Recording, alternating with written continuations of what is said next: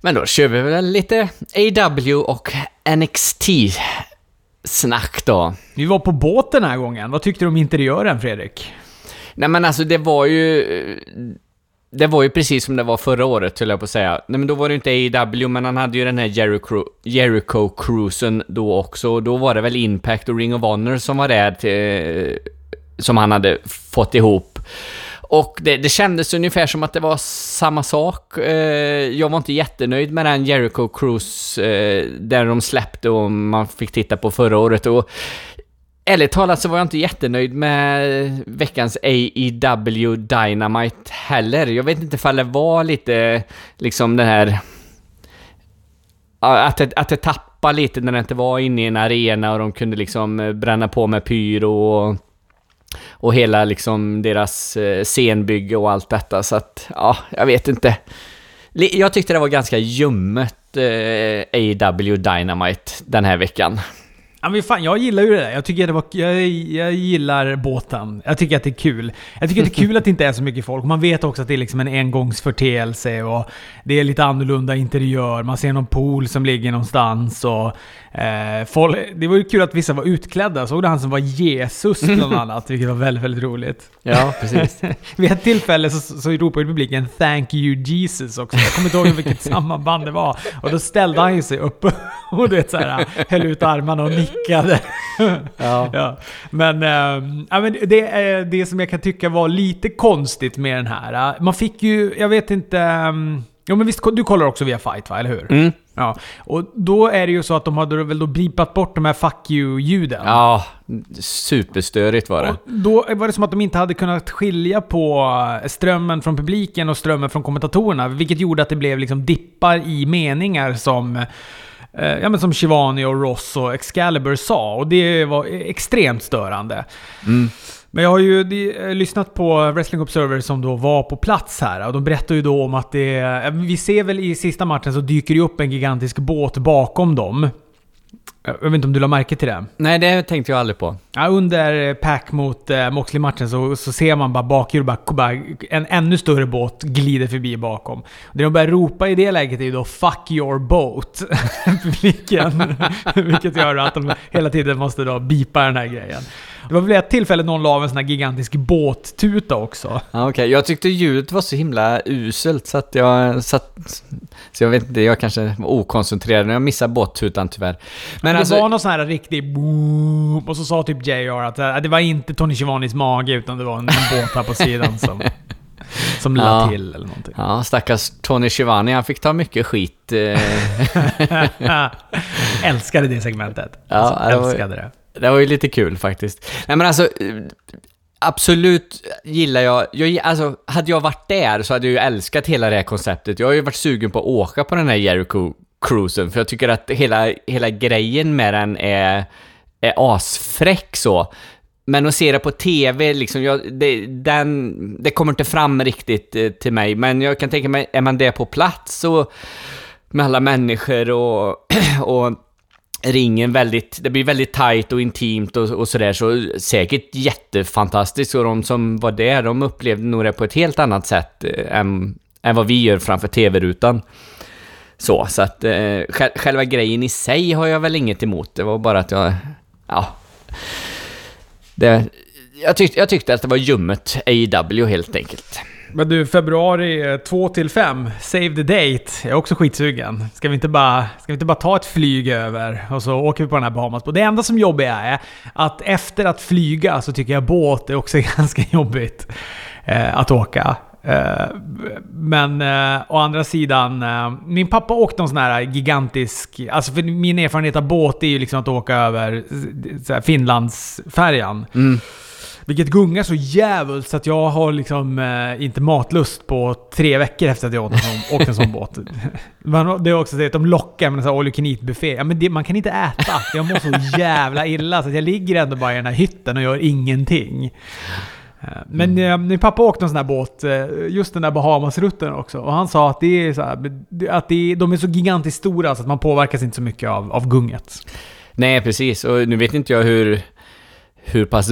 Det var ju ganska blåsigt, det såg man ju på dem när de gick in. Pyrot det gick i, i sidled sådär när de sköt upp eh, allting så. Men, eh, men det kändes ju inte som att det gungade någonting på båten eller sådär så att eh, jag, jag, kan tänka mig att det, det, kan vara ganska behagligt ändå att åka den här cruisen, eh, eller båtturen då Miami, Bahamas om det är hyggligt bra väder och sådär. Sen, jag håller med dig, jag är inte jättefan utav båtar heller sådär. Det, det ska ju vara vindstilla liksom, så då funkar det. Men får inte hålla på och gunga och ha sig. Fast sen, sen, tänker jag, sen tänker jag ju så här. Fyra dagar eller vad blir det, de är iväg med, eh, med kanske, ja, hur många nu det är, fulla wrestlingfans instängda på en båt och man inte kan ta sig någonstans. Där någonstans när jag, när jag, börjar, när jag börjar tänka den tanken så... Ah, det kanske inte är en så jävla bra idé i alla fall. Vi får ta någon sån riktig lyxig hytt va, så vi kan bara tillbringa tid i, i hytten. Ja. Gå ner kolla på lite wrestling och sen gå upp Precis. Igen. Så. Se Fossi spela i ett rätt uselt band, är inte det? Ja. Hur bra är Fossi egentligen? Nej, men inte så bra är de inte. Ja. Nej. Ja, men de ska vara live i alla fall eh, nästa år, så då skjuter han väl upp den där satelliten då, Tony Khan. Ja, okej. Okay, ja. ja, ja. Ja, det är klart, de måste... Har de lovat, ja. Mm, men så vi går och hoppar lite till, till wrestling idag. Eh, till, till själva matcherna.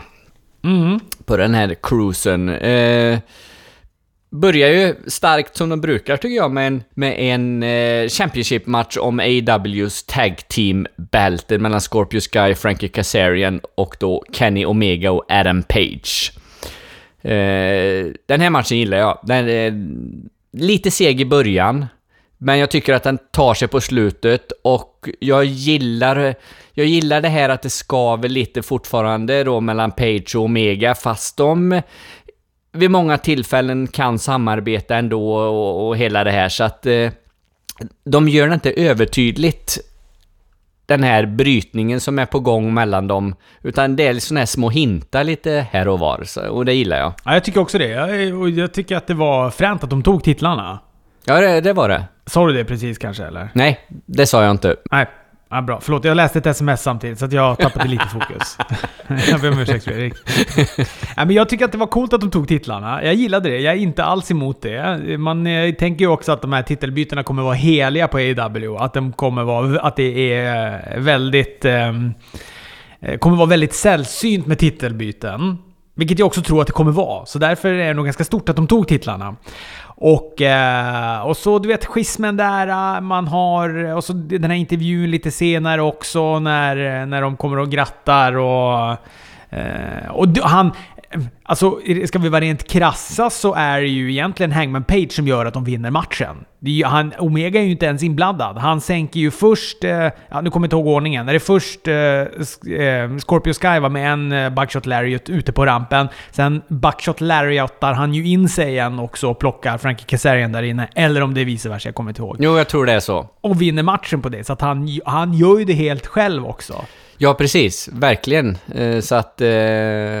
Ja, nej, och det, det, försökte han väl få fram sen i den här intervjun som du pratade, men då kom ju Bax in och Tony Schiavone nästan ignorerar honom, eller han ignorerar ju honom verkligen och frågar Omega om packmatchen istället och sådär, så att han känner sig väldigt förfördelad Adam Page eh, mest hela tiden, så att eh, ja, jag, jag, tycker, jag tycker de gör det jättebra. Jag, jag gillar verkligen den här eh, eh ja, Page som tycker, tycker väldigt synd om sig själv hela tiden och all, alla är emot honom. Trots detta då så är han då AW Tag Team Champ tillsammans med Kenny Omega. Jag älskar också att när, när de kommer in i slutet där, Young Bucks, och ska hålla på fira, då bestämmer sig eh, Page istället för att publiksurfa och dricka öl. ja, precis. Ja, ja, det var bra. Såg du den här? Han tog ju en... Eh, var, alltså han landade ju rätt på huvudet. Jag tror det var Kazarian som skulle göra en snap suplex på Hangman Page. Som han tar rätt på skallen. Som ser så jäkla otäckt ut. Ja, precis. Ja, men den såg, eh, den såg otäck ut. Otäck ut gjorde den ju. Så att det, men får hoppas att det, att det inte hände något med honom. Så. Han lyckades ju... Han klarade ju matchen relativt bra efteråt. Så att jag tror nog att det var... Ja, det får man ju säga. Så det. Ha, Priscilla Kelly då, som gör debut, eh, om man ska bortse från Casino Royale, eh, Battle Royale eller vad nu den hette, där på All Out. Mot Britt Baker. Ja, Äh, Det, det var en vanlig dammatch det här som det brukar vara det sista, eller som, eh, som det har varit i AEW. Det är, det är inte bra alltså. Eh, jag tyckte hon såg rätt fräck ut, eh, Priscilla Kelly som karaktär sådär, men eh, brottningsmässigt så var det väl ingen vidare från, från någon av dem, tycker jag väl inte. Så att, eh, ja, tyvärr. Ja, det var en jag tycker det var en, det var en helt okej match. Det var en match som var där. Jag har sett sämre matcher eh, på AEW. Så, att, så på så sätt så... Och det Britt Baker... Och det räddas ju också upp mycket tycker jag av den här intervjun efteråt. Och jag håller med dig, hon Priscilla Kelly där. Alltså färgstark i dubbel bemärkelse får man väl säga. Hon var ju... Jag ty- tyckte att hon var... Verkar, det kommer nog bli bra med henne. Ja, jag gillade det jag såg. Ja, precis. Det tror jag att Darby Allen gör också, för jag tror att eh, de är tillsammans, de två. Jaha, okej. Jag har inte lyssnat på han. Du tipsade ju mig om att han var gäst hos Jericho. Han har också varit gäst hos... Eh... Jo, men vänta. Jag lyssnade ju visst på den. Han var också gäst på Wrestling Observer, men den har jag inte hunnit lyssna på. Men jag lyssnade på Jericho-grejen där. Äh, kände lite att han var lite osympatisk. Alltså jag tyckte inte den var så bra den intervjun heller, eller så. Jag tyckte inte man fick... f- Nej. Men det var som att han skulle vara sin karaktär så jävla hårt, även liksom i det privata. Vilket också kan bli lite så här: ja, ja, ja, jag vet att du... Du vet, han förskönar någon sorts tillvaro att vara hemlös och driva runt och så här, ä, så här, koka korv i varmvatten på något gym och... Ja, precis. Ja, du vet, så här, bo i bil och sådana grejer. Ja, nu har jag ett hus. Ja, men jag föredrar hellre att bo i en bil. Man bara, nej, du, du gör inte det David. Vi vet att du inte gör det. Ingen gör det. Nej, precis. Nej, och han, han skulle berätta historier där han liksom hade varit så, så reckless som... Eh, eh, nej, men han försökte ju framstå liksom som att han eh, gjort så himla mycket crazy stuff när han var ung och sådär. Och, och så drog han någon jävla bajshistoria som var... eh, Han framställdes mer som han var en riktig douchebag liksom, som hade... Och Du vet någon sån här hem, inte hemlös, men någon som hade typ inga pengar och gjorde vad som helst för att få pengar till droger. Vilket känns så jävla osexigt att göra. Ja, verkligen. Det var Jimmy Kimmels crazy cousin, eller vad var det? Så var det ja. Mm. Just det. Sen det är klart, alla har väl varit unga och dumma och gjort sjuka saker som man inte kan stå för idag. Jo, men dra inte dem i en podd då, kanske. Sk- Nej, precis. Man behöver inte berätta allt. Nej. Det är okej. Det var, det var väl liksom eh, då, inom citationstecken, häftigare när han berättade att han hade spelat in en skateboardfilm och liksom hade två trasiga eh, fotleder liksom. Ja, det, det är ju en galen grej som, som man kan göra som ung och som kan vara, låta lite häftigt eller sådär. Den, den var väl helt okej, men då gjorde han ju inte någon annan illa eller var elak på någon annans bekostnad eller utnyttja någon eller så, så att, eh, ja ja. Vad var kopplingen här? Eh, Priscilla, han var, Priscilla Kelly var hans tjej eller? Ja, precis. Var, så kom vi in på Darby Allen. Mm. Russian leg sweep och en Lock Jaw, Det gör i alla fall att Britt Baker vinner. Efter det då så eh, händer ju då det här intressanta där hon får intervjuas av Tony Schiavone. Eh, och bara, alltså vi har ju sett henne småvända heel hela tiden. Kanske framförallt det här tydligaste var väl senast när hon vägrade gå in och hjälpa sina face-polare i ringen när de blev utsatta för det här Nightmare Collective. Hon bestämde sig för att sitta kvar när Hikori Shida hoppade in och sådär. Nu eh, kom väl i alla fall den, eh, den totala heelvändningen då, där hon pissar på Tony Schiavone och pissar på folk som jobbar på Starbucks. Kallar han för en usel barista. Stackars Tony Schiavone. Och sen pratar de om att hon är snyggast där på båten och sådär. Ja, precis. Ja, nej men det, det var väl heelvändning så det stod härliga till där, så att det... Jag hade velat se mer av det. Att, att de, de bröt ju mitt i. Eller, Ja, det gjorde de lite konstigt sådär, jag vet inte varför. Ja, och då blir jag besviken också när det är en live... eh, Alltså när det inte är live, när det är bandat. Och tycker att man kan lösa det på något sätt. Men å andra sidan, de gör väl någon sorts live on tape och då, då blir det som det blir. Ja, precis. Men de bröt väl då till en, eh, ett videopaket med Jungle Boy och återigen, AEW är jädrigt bra på att göra de här videopaketen liksom. Det... Eh, jag, Ja, jag- ja fan, Jungle Boy steg ju ett snäpp i, i mina ögon när man fick se den här lite känslosamma videon då när han pratar om eh, ja, sin pappa och sin karriär och eh, hur han Cody ringde honom och allt detta och han liksom fick ett kontrakt i AW. Ja, jag tyckte den var jättebra. Mm. Ja, jättebra. Sen var det Jurassic Express som möter Inner Circle. Alltså Santana, Otis och Jericho. Fint att publiken kan Jerikos låt. Det är allsång totales. Jeriko blir rörd, man ser det på honom. Han har svårt att, att hålla sitt uh, hårda heel heel-meme-spel och ler istället och ser glad ut. Ja, precis. Jo, men det... Men båt, den är väl packad av Fossi-fans, den där båten? Jo, men det är klart det är. Eh, så. Givetvis, de har ju stått och... De har ju sjungit den hela vägen till, till båtterminalen. ja. Ortiz, eh, alltså när han gör sin, den här uh, diving headbutt och själv dör i fallet. alltså det, jag skrattar varje gång jag ser det. Han är så jäkla underhållande att titta på Ortiz. Han är så kul alltså. Också ja. när han gör den här Tiger Style och klöser Luchasaurus på ryggen. Sen ställer han sig i en sån här, nu ska vi gå på tigerjakt-position efteråt. Ja. ja. Väldigt roligt. Ja, han, han, är, han är underbar. Jag gillar hans eh, hår, att han verkligen har det så, så stort som han har. Ja. Luchasaurus fick vi väl se lite mer av också, tycker jag, den här matchen. Han gör en... Eh, ja, men han gör en double, double chokeslam på Ortiz, han gör den på Jericho. Vi får se en standing moonsault på Jericho. Sen börjar han då foka kanske lite mycket på Jake Hager istället och slåss, slå, slåss ut till backstageområdet. Så han lämnar liksom matchen efter det. Ja, precis. Men han... Jag vet alltså jag har så svårt att veta egentligen vad jag tycker om Luchasaurus än så länge, för Eh, dels har man ju sett lite lite av honom för att han var skadad och sådär, men när han väl är i ringen, det är mycket de här eh, rundsparkarna och, och sådana grejer. Det är liksom inte... Han, han känns lite stationär, alltså. Frågan är hur, hur pass kul det skulle vara att se en singelmatch på en 10-15 minuter med honom.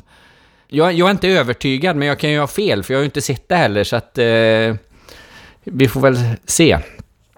Men eh, det är klart, eh, i, så här, i en, en, trip, en triple tag team match så här då funkar det väl hur bra som helst. För då är man ju inne lite var och man turas om och, och sådär så att... Eh... Det luktar väl ändå match mellan han och Jake Hager så att eh, det kommer väl bli en, en eh, singelsmatch någon gång. Får vi se hur den blir då. Ja, precis. Det får vi bli. Och Marco Stan tycker jag gör det bra. Eh, han, han, är en attraktion, jag måste ju säga det. Och Jungle Boy är Jungle Boy, så att... Eh, ja, nej, det var en bra match det här. Det var, det var bra. Han får ju in en 450 på Jericho och en väldigt close pinfall där. Nästan så att han blir lite nervös. eh, men sen eh, springer han ju rätt in i en Judas-effekt och Jericho pinnar han och vinner. Precis, så är det. Sen får vi Bad Boy Janella mot MJF.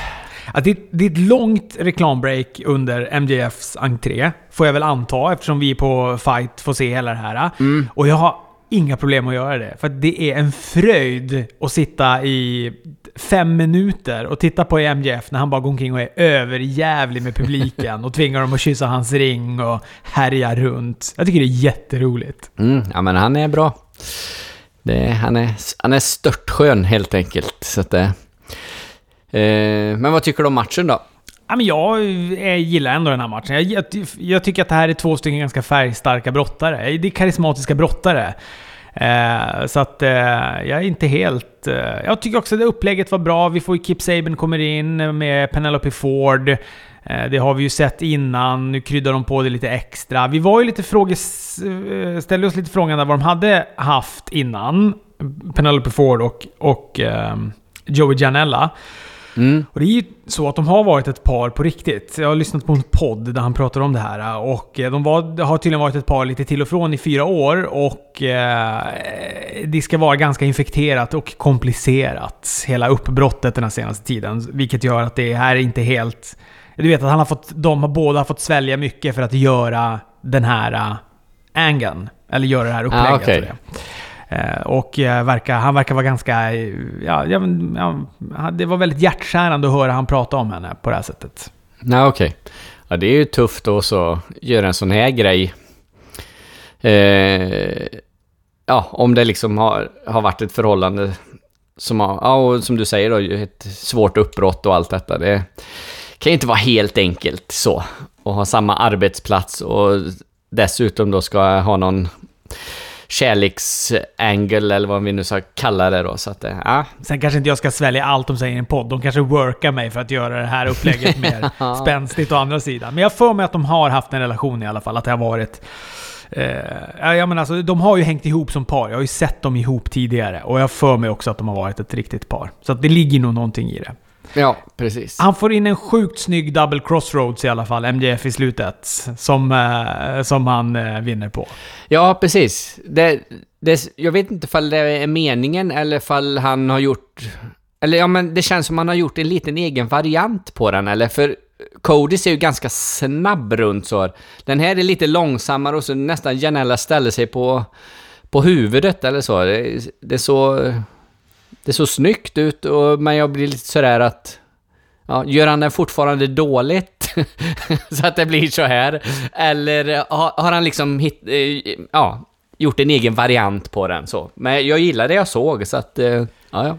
Efteråt så tar han ju micken och bashar Cody. Cody kommer in, Cody får inte lägga vantarna på honom inför deras match då på Revolution. Men eh, Young Bucks får göra det, som har smugit upp i bakgrunden och bjuder på en double superkick och kastar han i poolen. Ja.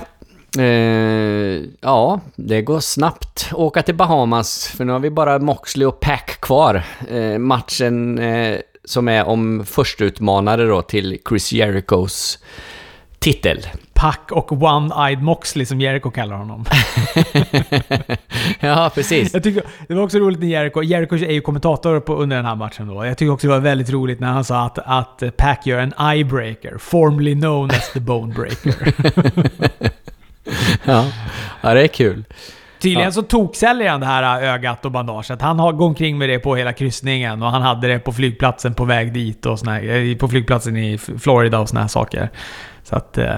Ja, han går in för, för spiken i ögat. Ja, men det måste han ju nästan göra. Det hade varit jättekonstigt om han inte hade haft bandaget och eh, sprungit runt på den båten och, och festat eller vad han nu har gjort och så eh, är bara ögat trasigt under matchen. Det, det hade ju kommit ut i sociala medier och Instagram och allt vad detta... Ja. Så, så det var väl bra. Är det en 630 han gör? Den här 450 plus lite varv till. Jag lär mig aldrig vad den heter. Pax. Skruv från repet. Han gör den, men då får Mox upp knäna precis när han landar. Ja, men det kanske var en 630. För sen gör ju den här Black Arrowen, den här 360 Shooting Star Press-varianten då. Ja, det är med någon skruvhistoria där. Han kanske gör en... Jag trodde han gjorde en 450 bara, men det kanske han inte gör. Landar han på ryggen, alltså precis som... Som eh, Ricochet gör. Ja, Jag får med det, för jag, jag får med att jag kan, en, 4, en 450 kan jag ändå känna igen. Men jag tyckte att det snurrade lite väl extra. Å andra sidan, ja, jag kanske också är åksjuk av att titta på den här båten eller någonting. Han står ju på lite skakiga ben, i alla fall när han gör sin Black Arrow. Eh, som han då missar också. Och JR pratar ju då om att det är blåsigt på däck på Norwegian Pearl. Att det är därför han, han skakar, skakar på benen.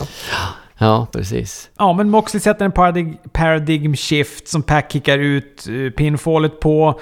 Det är en suplex från topprepet, sen låser han in, han är en brutalizer. Moxley tar sig till repet, får in en DDT, följt av ännu en paradigm shift. Och så vinner han och är då first contender.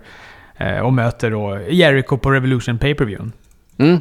Det var väl ganska väntat eh, egentligen, själva slutresultatet utav den matchen. Så att... Eh, Ja, jag tror det enda som jag tänkte var att ja, är det ifall de vill dra ut på det ytterligare lite. Så att de eh, fular och gör så att Pack vinner. Och så blir det Pack mot Jericho som förmodligen också hade kunnat bli en jävligt bra match. Parningen är väl lite apart möjligen.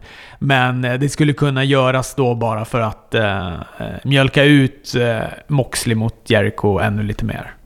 Ja, jo, så, så kunde det ju varit. Samtidigt så eh, har ju Packley eh, ett upplägg med Omega där och det känns ju som att, att det behöver ju hända någonting där också. De, eh, han går ju och, och gapar och skriker efter den här rubber-matchen mot Omega så att... Eh, de får inte blanda in för mycket känner jag så att, eh, så att vissa grejer bara försvinner mm, för att de inte riktigt vet vad de håller på med eller så. Och det är klart, skulle han gå in i en i, och köra med Jericho där, då hade ju det försvunnit liksom. Eh, så. Så att eh, jag tycker nog ändå att, eh, att det var bra att eh, Moxley vann. Ja, men jag är nöjd med den här uh, Dynamite-episoden. Jag hör att du är lite mer slät inför den, men jag tycker ändå att det var, jag var underhållen. Ja, ja nej men det var... Eh, förra veckan var ju ett sånt jävla eh, bra program och det, detta, denna veckan var det, tyckte inte jag att det var alls lika bra. Sen är det ju bra matcher, första matchen är ju jättebra och de andra är ju underhållande också så att, ja.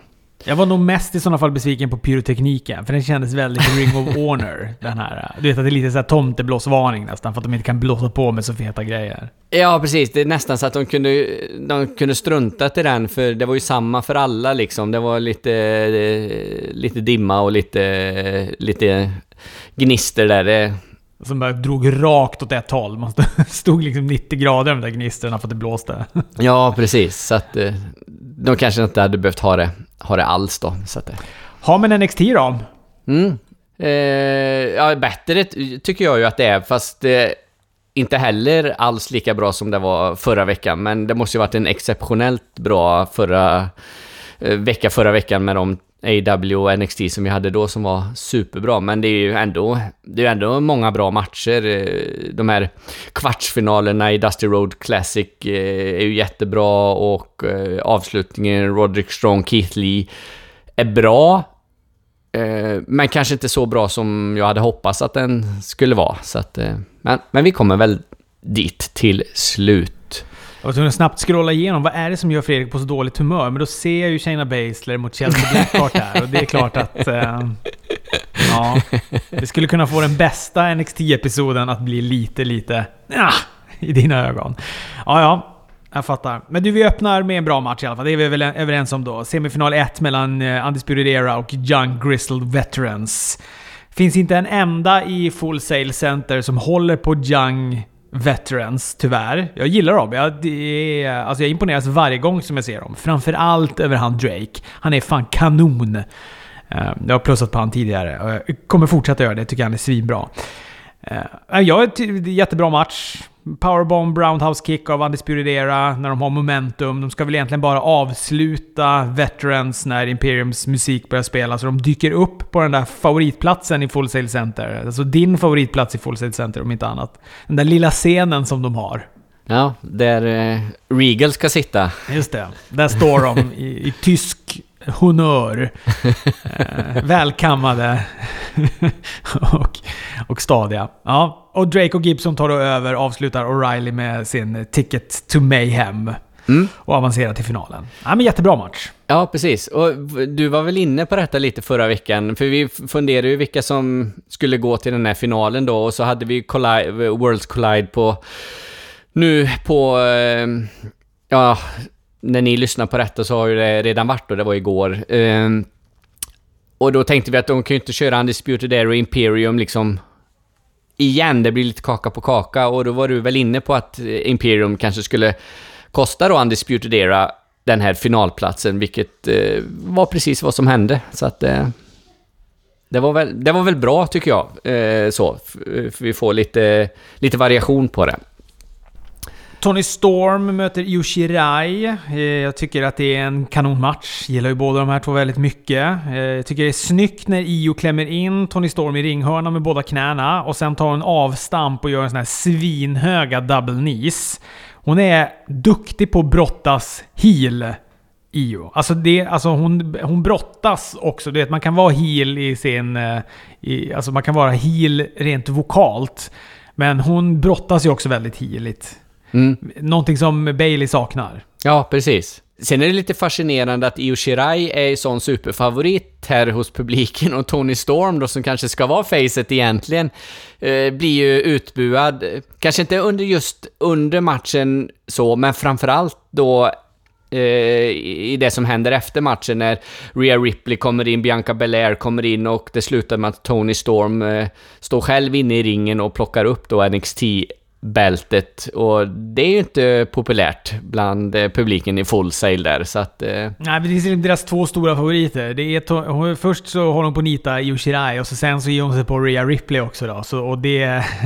Då hamnar du tyvärr långt ner på skalan. Nej, nej de buar rätt rejält där. Då.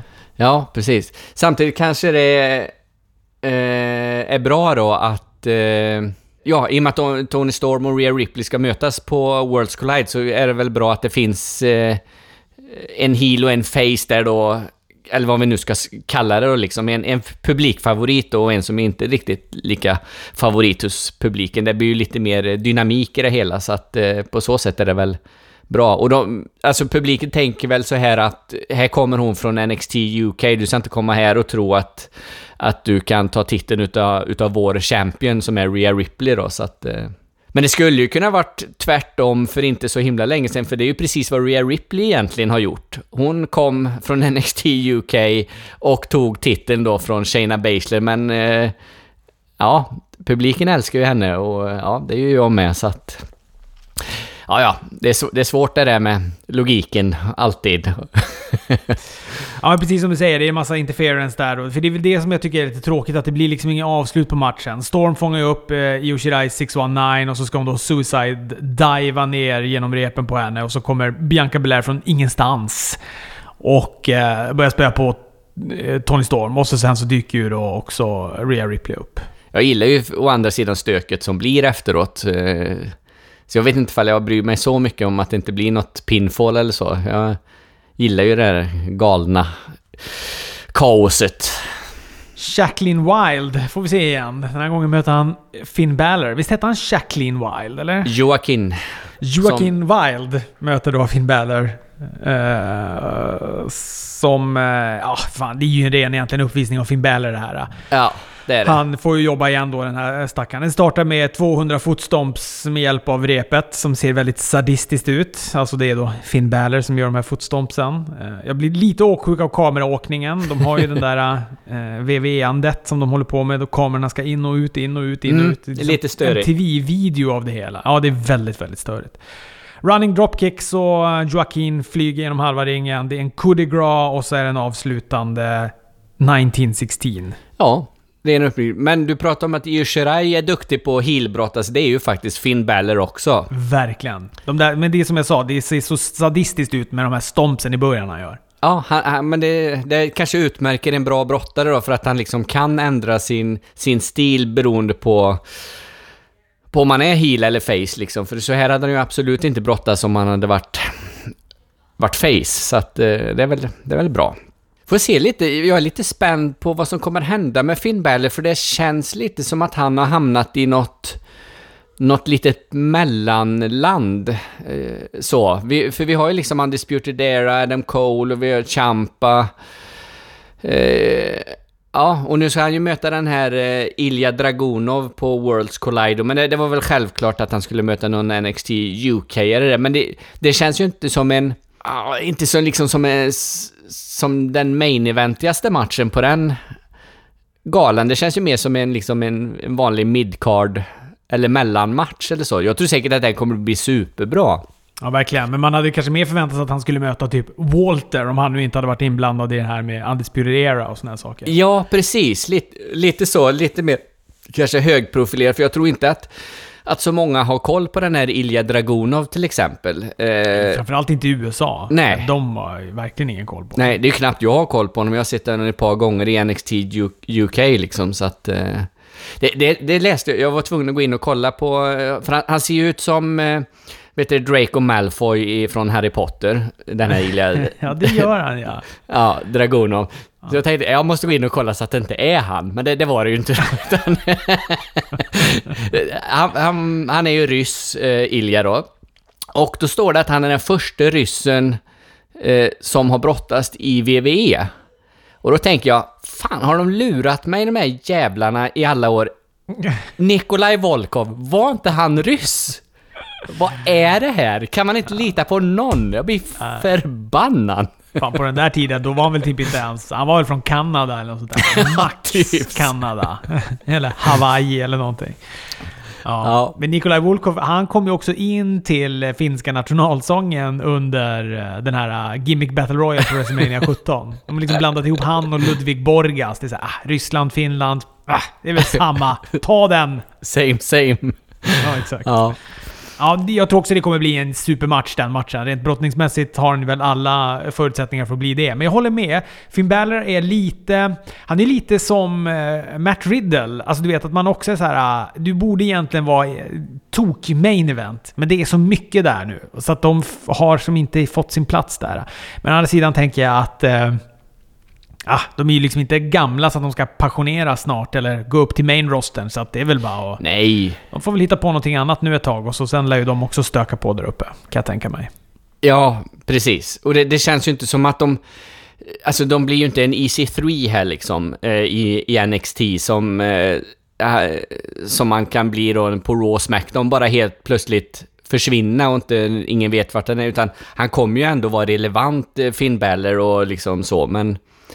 Men det känns som att han är lite ett ingenmansland just nu. Han har ingen sån här riktigt tydlig eh, antagonist som han ska gå upp mot och, och sådär, så att... Eh, Eh, men men. Du, jag, jag förstår att du håller på att prata om en, en massa annat för att du ska slippa prata om Shayna Baszler, men jag river av det lite snabbt bara. Alltså för de som nu ändå vill uh, höra om den här matchen. Hon då, Shayna Baszler, gick då mot uh, Chelsea Blackheart. Jag tycker att det är en helt okej okay match. Den är inget superspännande alls överhuvudtaget. Upplägget ligger ju då i att Baszler vill ha revansch efter att då Blackheart eliminerade henne från Battle Royalen som var förra veckan. Baszler vinner efter att hon lyckas vända något grepp som Blackheart försöker göra från topprepet. Jag kommer inte ens ihåg vad det var. Hon vänder den till en rear naked choke och eh, Blackheart tappar ut. Ja. Broserweights mot Imperium, semifinal nummer två. Det här är bra skit, ser det. Han hade någon ny frisyr med Riddle. Är det svinrygg det kallas det där? det, det, kan det vara. En inverterad Pippi Långstrump skulle jag ha sagt. Ja, det var uh, Do Some Hair, Matt Riddle. ja. Jättebra match. Super, super bra match. Fan vad jag gillar dem som tag team, Pete Dunne och Matt Riddle. ja, de är så bra. Alltså Pete Dunne också, det är som att han växer ytterligare lite. Han har ju alltid varit bra, mm. men när han får vara med Matt Riddle är han ännu, ännu bättre. Den här crucifix-bomben han gör, mm. jävlar vilket coolt move det var. Ja, precis. Det är skitbra. Och jag gillar liksom att han har anammat eh, Matt Riddles sån här bro lite, ja, vad ska man säga, den lite loose, häng loose-stilen eller sådär. Den känns lite off på honom. Men det, jag tycker att det blir bra för liksom... Men häng loose-stil, är han inte en stoner? jo, det, det kanske han är. Superpårökt bara. Hela ja. den här liksom, äh, grejen i slutet när, han står, när de står och pratar med eller mot young veterans där, grizzled young veterans. Mm. Pratar han inte om att, att, att de, de är en joints eller? Jag kommer inte exakt vad han säger. Jo, han, han eh, då, den, nu ska vi se, nu tappar jag ju namnet på... Uh, Gibson va? Är inte Drake och Gibson? Ja, ja precis. G Gibson, han, uh, som jag tycker är kanon på micken. Jag tycker han är skitbra när han pratar. Uh, han har sin härliga Liverpool-dialekt och... Ja, han, han, är bra. Men han säger ju någonting med att eh, joint manipulation, alltså eh, manipulera leder. Och eh, då svarar ju Matt Riddle då sen att ja, jag fattar inte ett ord vad du sa, men jag hörde ju någon, någonting om about manipulating a joint. Eh, så. ja. Vilket då även Pittan liksom hänger på när han tar micken och säger ja, jag, du verkar vara lite uppe i molnen sådär. Ja.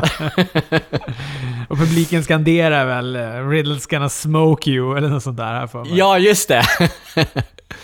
Det är ju fascinerande, nu har de haft drogrelaterade skämt eh, både på, på Raw och på NXT här. Eh, även eh, i den här, vad heter det, Monday after Monday news-shitten med, med de här två. Ah, gud. Vad heter de? Ja, du tänker på uh, Street Profits ja. Ja, precis. Uh, de drog ju en 420-skämt där. Fyra, jag kan inte det här knarklingot riktigt, men det är ju någon, uh, någon hash grej där med 420. så. Det hade de ju ett skämt också om i, sin, i sitt lilla program. Det... Jaha. Ja, ja. Ja, Ja, det ser man. Men nu ska vi sluta prata knark och prata wrestling. Alltså matchen i sig är ju fantastiskt bra. Den är ju helt, helt underbar och deras kombinationer, Pittan och Matt Riddle, gillar jag. Även Eichner och Marcel har, har... De har en grej. Eichner hoppar ut ur ringen och liksom man tänker att han är lite borta. Jag tror att det är Matt Riddle som hamnar i en ringhörna. Marcel Bartel kommer från ena hållet och Eichner kommer utifrån och kicka till från, från varsitt håll. Alltså sådana grejer gillar jag när det är sådär. Det, det kommer lite från ingenstans, man fattar ju att det är supersynkat och planerat och sådär. Men ändå känns det som att det, att det kommer från ingenstans och ja, det gillar jag verkligen så att... Eh, nej, de, de är bra. Ja men toppmatch verkligen. Det är en hot tag till Riddle som fångar upp Eichner från topprepet när han ska göra sin European Bomb. Eh, han gör det då med en German Suplex. Det blir en Final Flash, en Powerbomb, tag till Dunn som då gör sin... Eh, eller de då gör sin den här Bruiserweight-kombon igen. Och så vinner de matchen. Inget eh, dock i den här matchen. Det trodde ju jag. Jag trodde att de i sin tur skulle ge igen på Imperium och på så sätt då göra att, eh, att Bruiserweight vann. Broserweight säger man väl. Eh, men, eh, men det är, ja, å andra sidan, jag saknar det inte. Så att, det var en jättebra match och jättebra vinst. Nej, det, det var nog bra tyck, tyckte jag. Eh, de var ju inne, resterande gänget av Imperium var ju dock inne under den här matchen och, och störde lite, men det, jag tror det var bra att Undisputed inte var inne här, för det hade blivit lite mycket då. Då hade det varit första under första matchen, det hade blivit under den här matchen och så även då som avslutning på showen, så att det, det var nog bra. Ja, sen har vi då Main Event-matchen. Det är Keith Lee mot Roderick Strong. Det handlar om North American Championship-bältet. Ganska lång match, men, men bra match. Mm. Jag, jag, tycker det är lite tråkigt eh, att de bearbetar hans ben så himla mycket, för jag tycker det drar ner tempot lite för, för mycket i matchen. Sen fattar jag att de gör det eftersom de pajade hans ben då förra veckan och det är klart att det är ett sätt för Undisputed att se till så att Roddy kan behålla titeln. Plus då att hela Undisputed är inne och eh, fular och stör under matchen. Så de gör ju allt vad de kan för att, för att han inte ska ta den här titeln då från, eh, från Roderick Strong. Men det miss, misslyckas de med. Du fick en Avalanche Olympic Slam av Strong, som eh, Lee tar sig ut ur pinfallet efteråt. Eh, tacklar Strong ut ur ringen. Han fastnar på repen, men han lyckas komma ut ändå. Mm. Eh, en inside out, inside out close line av Keith Lee och en eh, moonsault. Och sen så lyckas då Strong flytta på sig när han ska landa den här moonsaulten då. Det blir knee strike, en single leg dropkick av Strong och sen han ska då ta satsen en tredje gång från repen så fångar Keith Lee upp honom och gör sin Big Bang Catastrophe. En, eh, en Firemans Jackhammer och vinner. Och så har vi en ny mästare. Mm. Det, alltså, det är bra. Alltså, Keith Lee har ju momentum nu. Så att det är väl absolut inte fel att sätta bältet på honom. Frågan är ju bara vad som händer med Undisputed Era här nu. För, och vad händer med Roderick Strong? Nu är han den enda som inte har ett bälte i det gänget. Är det så att det kommer gå ut för fullständigt här för dem? Kommer de förlora varenda bälte här och stå bälteslösa om ett, ett, två, tre månader eller... Mm, ja, det är spännande att se vart, vart detta tar, väg, tar vägen. Men det är klart, de kan ju inte alltid ha... De kan ju inte alltid ha alla titlar. Hur gärna man än vill det så kan de inte ha det. Och det känns väl på ett sätt ändå rätt att hänga den här titeln på Keith Lee eftersom han är så jävla populär och han växer. Folk... Alltså han är ju superhet just nu alltså. Ja, precis. Eh, och sen tänker jag att eh, det var bra att han vann titeln för att då kommer han inte gå över till main rostet nu i, i Royal Rumble eller något sånt där och göra någon entré där liksom. För nu känns det som att nu är han ju kvar i NXT. Det, det, för det, det, var en tanke som jag hade innan att ja, men han kanske inte vinner det, detta ändå. De kommer fula då och precis som de höll på med och han kommer inte lyckas eh, ta titeln och sen dyker han upp i Royal Rumble på söndag och sen hamnar han på Raw eller Smackdown i, istället. Men så ser det inte ut att bli och det är jag jätteglad för. Jag vill ha Keith Lee i NXT. Men finns det inte chans att han ändå kommer in i stöket? Jo, det kan han ju göra ändå. Eh, det, det kan han ju absolut göra, för det, det kommer ju säkert vara flera NXT-brottare, både på dam och, och herrsidan, som kommer vara med i stöket. Men eh, eh, det hade ju varit troligare att han hade ham att han hade kanske gått till Raw eller Smackdown om han inte hade haft en titel eller så. Eh, det kanske inte hade varit troligt alls, det är ju bara vad jag sitter och, och, och gissar här nu, men... Eh, ja, jag, jag tycker det är skönt att han har en titel, så att då vet man att han kommer vara kvar i NXT. Eh, under en eh, överskådlig framtid i alla fall. Ha, du, innan vi lämnar helt och hållet, mm. så skulle jag bara vilja ta upp en grej här. Det här handlar om att det är ett potentiellt nytt tag team som har börjat ta form i NXT. Det är på då house shows som NXT har haft, där Mike Kennellis och eh, eh, Tony Nese har gått som eh, tag team. Mm. Vilket jag tycker känns som ett, eh, ett jäkla bra... en- Ett potentiellt bra tag team. Ja, jo men det kan jag nog hålla med om. Alltså Tony Nese gillar jag jättemycket. Eh, Mike Kennellis har jag sett alldeles för lite egentligen, för liksom han har ju bara fått göra konstiga gre- grejer på main rosten eh, så. Så att, eh, nej men det är absolut, det är spännande. Det är alltid kul att se något, se något nytt och sådär så att... Eh, Och känns det som att får de vara i NXT, då finns det också risken att de behandlas bättre än att de håller på att sprätta runt på 205 som ett tag team. Ja, precis. Absolut. Och, och, och som vi har pratat lite om också, det, det behövs ju lite tag teams eh, på eh, NXT också. Nu när de har kört den här klassiken nu, då, då har de liksom fått ta in NXT UK för att det ska överhuvudtaget bli någonting. Annars hade det väl varit svårt att få ihop en hel turnering med bara NXT tag teams. Så att, eh, ja. Det är spännande. Ska vi packa ihop det här nu? Gör oss redo för att kolla på eh, Royal Rumble och allt vad det nu är. Worlds Collide. Den har ju för sig sänds när ni lyssnar på det här, men... NWA ska jag kolla på i natt tänkte jag. Gud vad kul jag ska ha det. Spännande, spännande. Mm, men vi tackar väl för detta då och eh, vi hörs på torsdag igen. Hej då!